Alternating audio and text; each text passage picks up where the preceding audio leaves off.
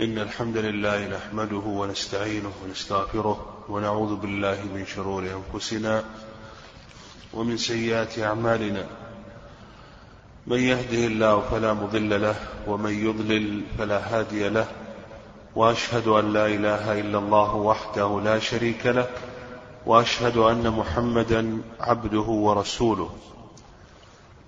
اللهم صل وسلم وبارك على نبينا محمد وعلى آله وأصحابه ومن تبعهم بإحسان إلى يوم الدين. اللهم إنا نسألك الهدى والتقى والعفاف والغنى. اللهم علمنا ما ينفعنا وانفعنا بما علمتنا وزدنا علما. يا عليم يا حكيم. وبعد أيها الأحبة سيكون عندنا درسان درس في هذا الصباح بإذن الله عز وجل. والدرس الثاني إن شاء الله سيكون بعد صلاة المغرب. سنكمل بقية ما جمعنا حول نوازل الزكاة وسنجيب بإذن الله عز وجل على ما سيكون من أسئلة واستفسارات من الإخوة الحاضرين. في هذين الدرسين سنذكر جملة من نوازل الزكاة من هذه النوازل ما يتعلق بزكاة الأوراق النقدية. هذه الريالات والدولارات والدينارات والدراهم إلى آخره. كيف هل تجب فيها الزكاة أو لا تجب فيها الزكاة؟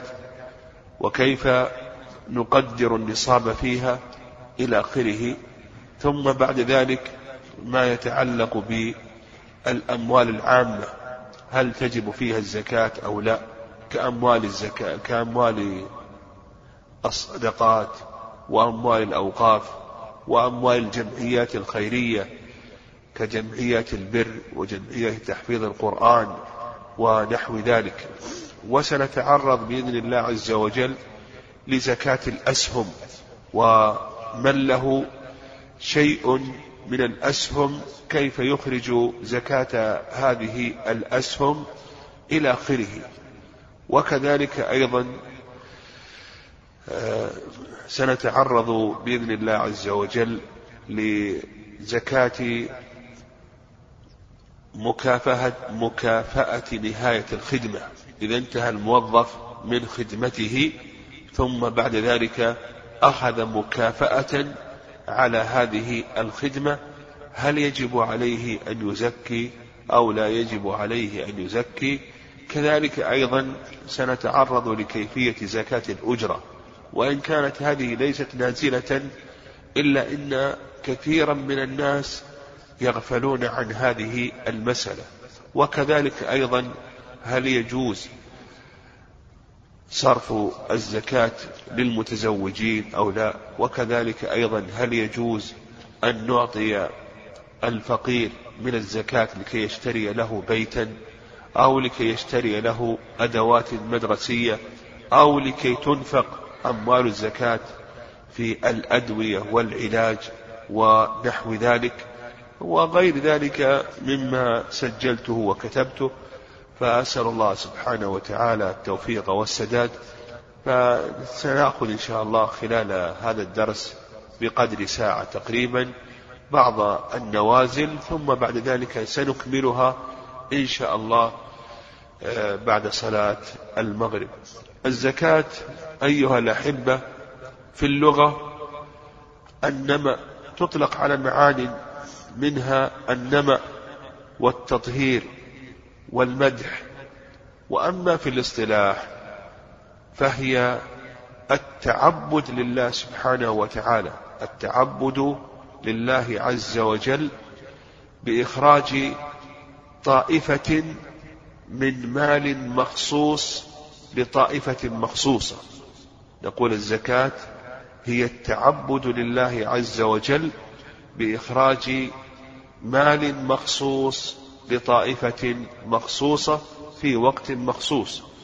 والزكاة لا يخفى على الجميع وجوبها وأنها أحد أركان الإسلام فهي الركن الثالث من أركان الإسلام وقد ثبت في الصحيحين من حديث ابن عمر رضي الله تعالى عنهما أن النبي صلى الله عليه وسلم قال بني الإسلام على خمس شهادة أن لا إله إلا الله وأن محمدا رسول الله وإقام الصلاة وإيتاء الزكاة وصوم رمضان وحج البيت.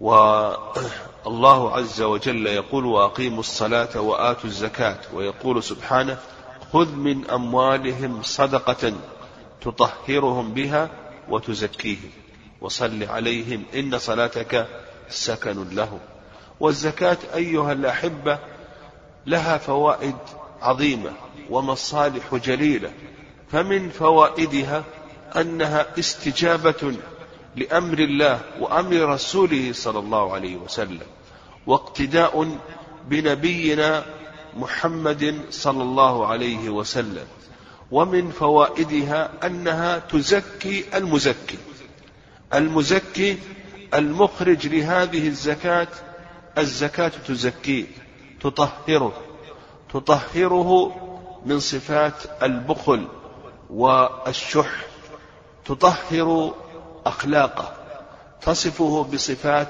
الجود والكرم. كذلك أيضا هي تزكي المال المزكى. المال المزكى تزكيه فتطهره وتقيه من الآفات والمصائب وتطهره من شوائب الأموال الداخلة على هذا المال الحلال. إذا كان إذا كان في هذه الأموال شيء من الشبه.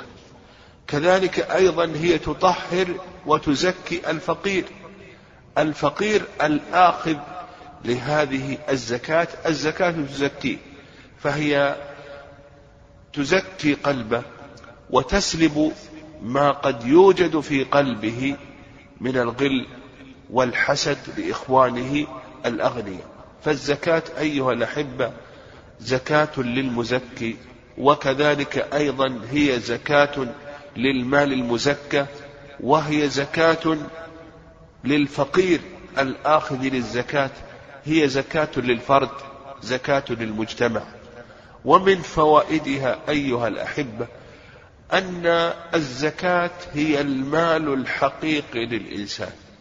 المال الذي يخرجه الشخص في هذه الحياة هو ماله الحقيقي.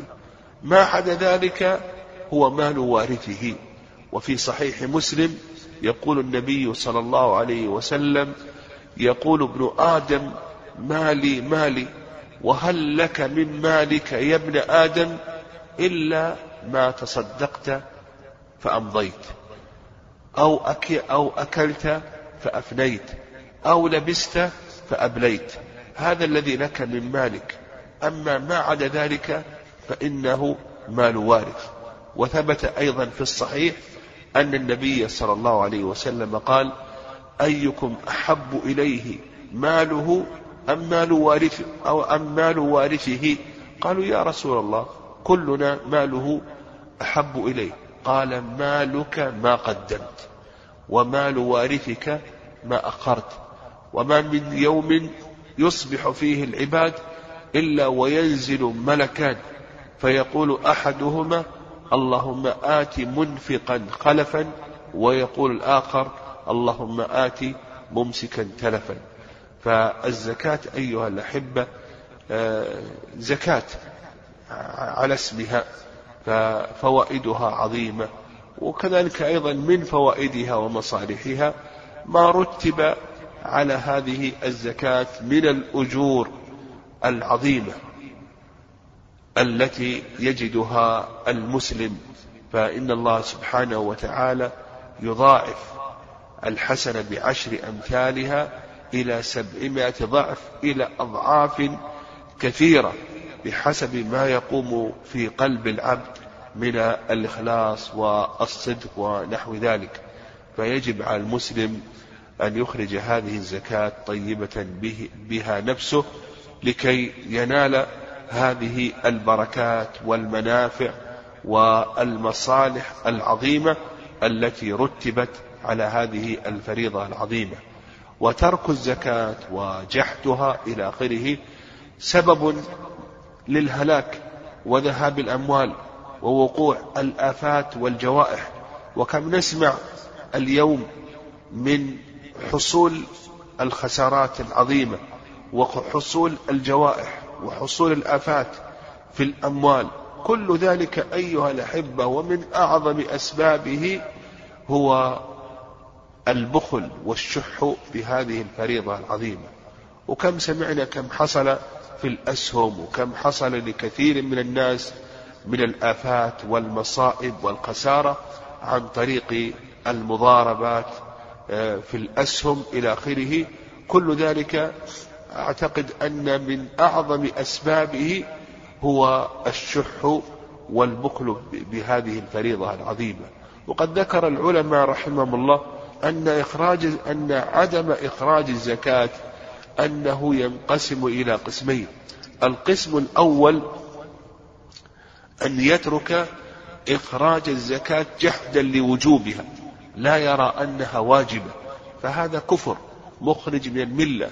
لأنه مكذب لله ولرسوله صلى الله عليه وسلم ولإجماع المسلمين إذ إن المسلمين يجمعون المسلمون يجمعون على أن الزكاة واجبة وأنه يجب إخراجها. أما القسم الثاني وهو الذي عليه كثير من المسلمين اليوم فهو ترك الزكاة بخلا. ليس جحدا لوجوبها يعتقد أنها واجبة لكنه لا يخرج الزكاة بخلا وشحا بالمال. فهذا لا يكفر هذا لا يكفر لكنها تؤخذ منه يأخذها الإمام حتى لو أدى ذلك إلى قتاله. كما قاتل أبو بكر رضي الله تعالى عنه المانعين للزكاة. وذهب طوائف من العلماء أنها, أنها تؤخذ منه الزكاة ويؤخذ نصف ماله الذي منع زكاته. لحديث سهل فإن النبي صلى الله عليه وسلم قال إنا آخذوها ونصف ماله عزمة من عزمات ربنا. أيها الأحبة بعد هذا التمهيد أما بالنسبة للنازلة الأولى أو المسألة الأولى المتعلقة بفقه المسائل المستجدة في الزكاة فهي تتعلق بزكاة الأوراق النقدية. هذه الريالات والليرات والدنانير والدراهم والدولارات إلى آخره آه، هل تجب فيها الزكاة أو أو لا تجب فيها الزكاة؟ قبل أن نذكر كيفية زكاة الأوراق النقدية. كيف وجد التعامل بهذه الأوراق النقدية؟ كان الناس في الزمن السابق الناس كانوا في الزمن السابق عند التعامل فيما بينهم عند تبادل السلع.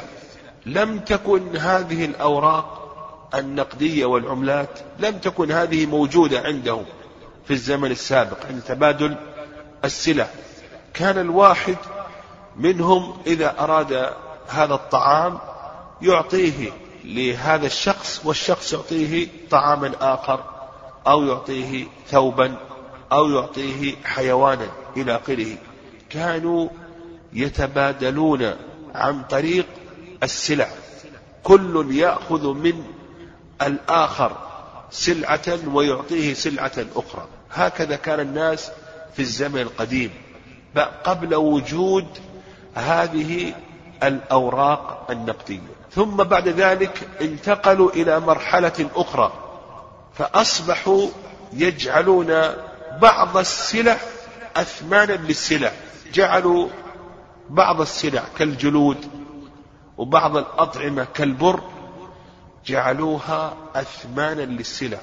فكان الواحد إذا أراد أن يأخذ سلعة كثوب مثلا ممن يبيع هذا الثوب يعطيه جلدا أو يعطيه برا فتعارفوا على ذلك وأن هذه الجلود وهذه هذا المواد الغذائية كالبر أنها ثمن للأشياء.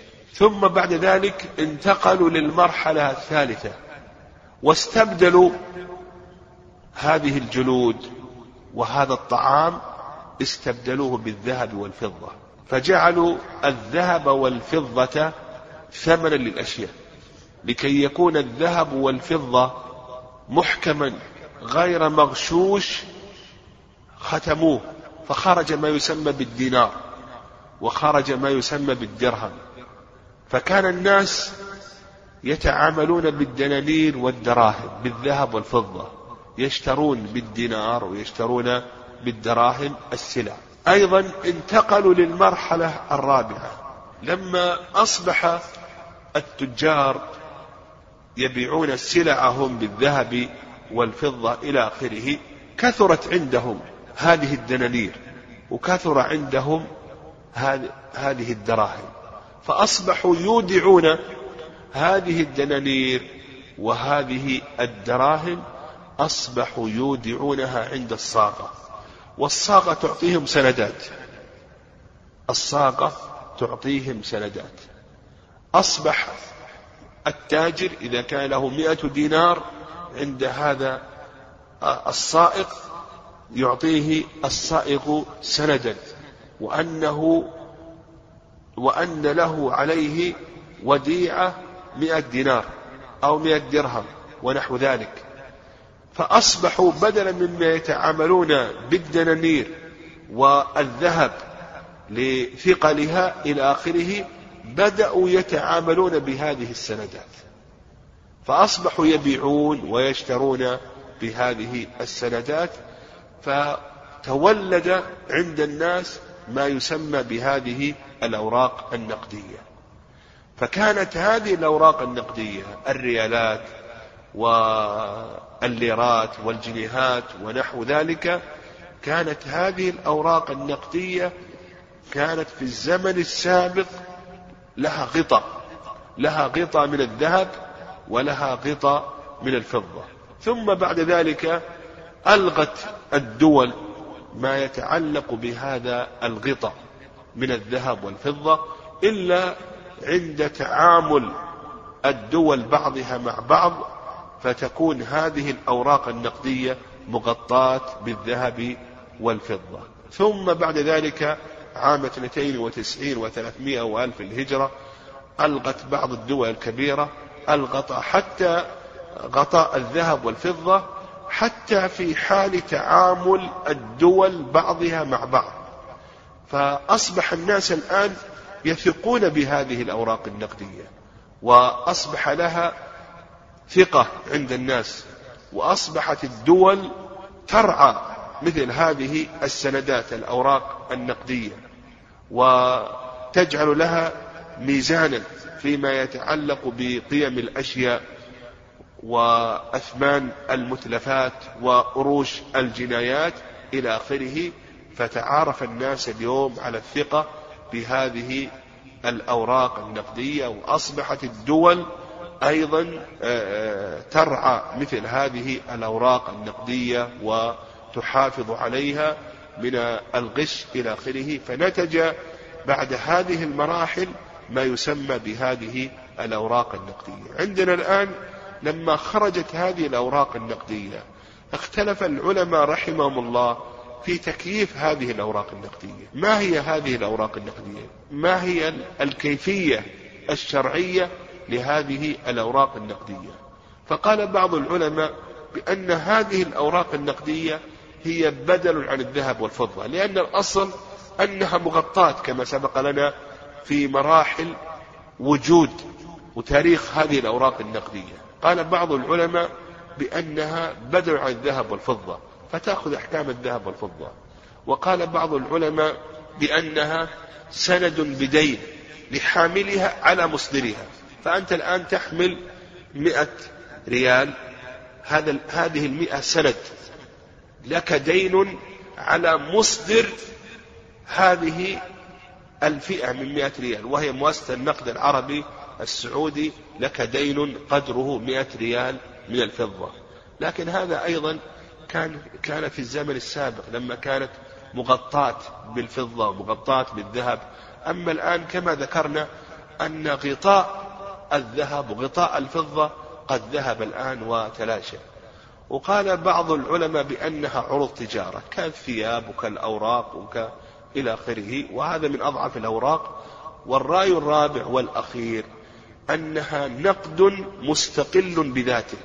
لا يكون بدل عن الذهب والفضة وإنما هو نقد مستقل بذاته. وهذا ما عليه مجمع الفقه الإسلامي وعليه أكثر المتأخرين والمجامع الفقهية أنها نقد قائم مستقل بذاته تجب فيه الزكاة كما تجب الزكاة في الذهب والفضة ويجري فيه الربا فعندما تبادل نقدا بجنسه نشترط شرطين.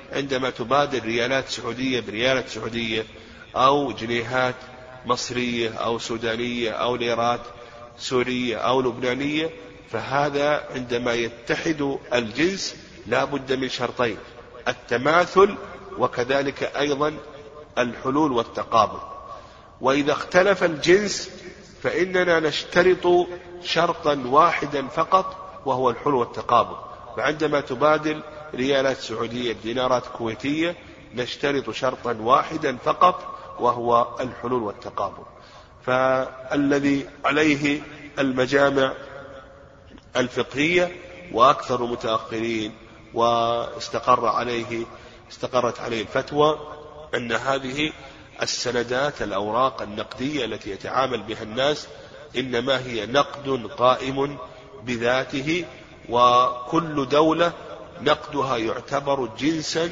مستقلا جنسا مستقلا. فكما أشرنا عندما تبادل ريالات سعودية بريالات سعودية لا بد من شرطين وعندما تبادل ريالات السعودية بجنيهات مصرية هذه لا بد من شرط واحد وهو الحلول والتقابض. المسألة الأخيرة كيفية زكاة هذه الأوراق النقدية؟ العلماء رحمهم الله تعالى يقولون بأن هذه الأوراق النقدية تقدر بالأحظ للفقراء من الذهب والفضة. بالأحظ للفقراء من الذهب أو الفضة. بعض العلماء قال تقدر بالفضة وبعضهم قال تقدر بالذهب لكن الأقرب أن هذه تقدر بالأحظ للفقراء من الذهب والفضة. نصاب الذهب كم نصاب الذهب؟ نصاب الذهب يساوي عشرين دينارا. بل غرامات يساوي خمسة وثمانين غراما. بالغرامات يساوي خمسة وثمانين غراما. ونصاب الفضة قدره مئة درهم مئة درهم قدره مئة درهم. بالغرامات يساوي خمسمائة وخمسة وتسعين غراما. نصاب الفضة قدره بالغرامات خمسمائة وخمسة وتسعين غراما. ونصاب الذهب قدره خمسة وثمانين غراما.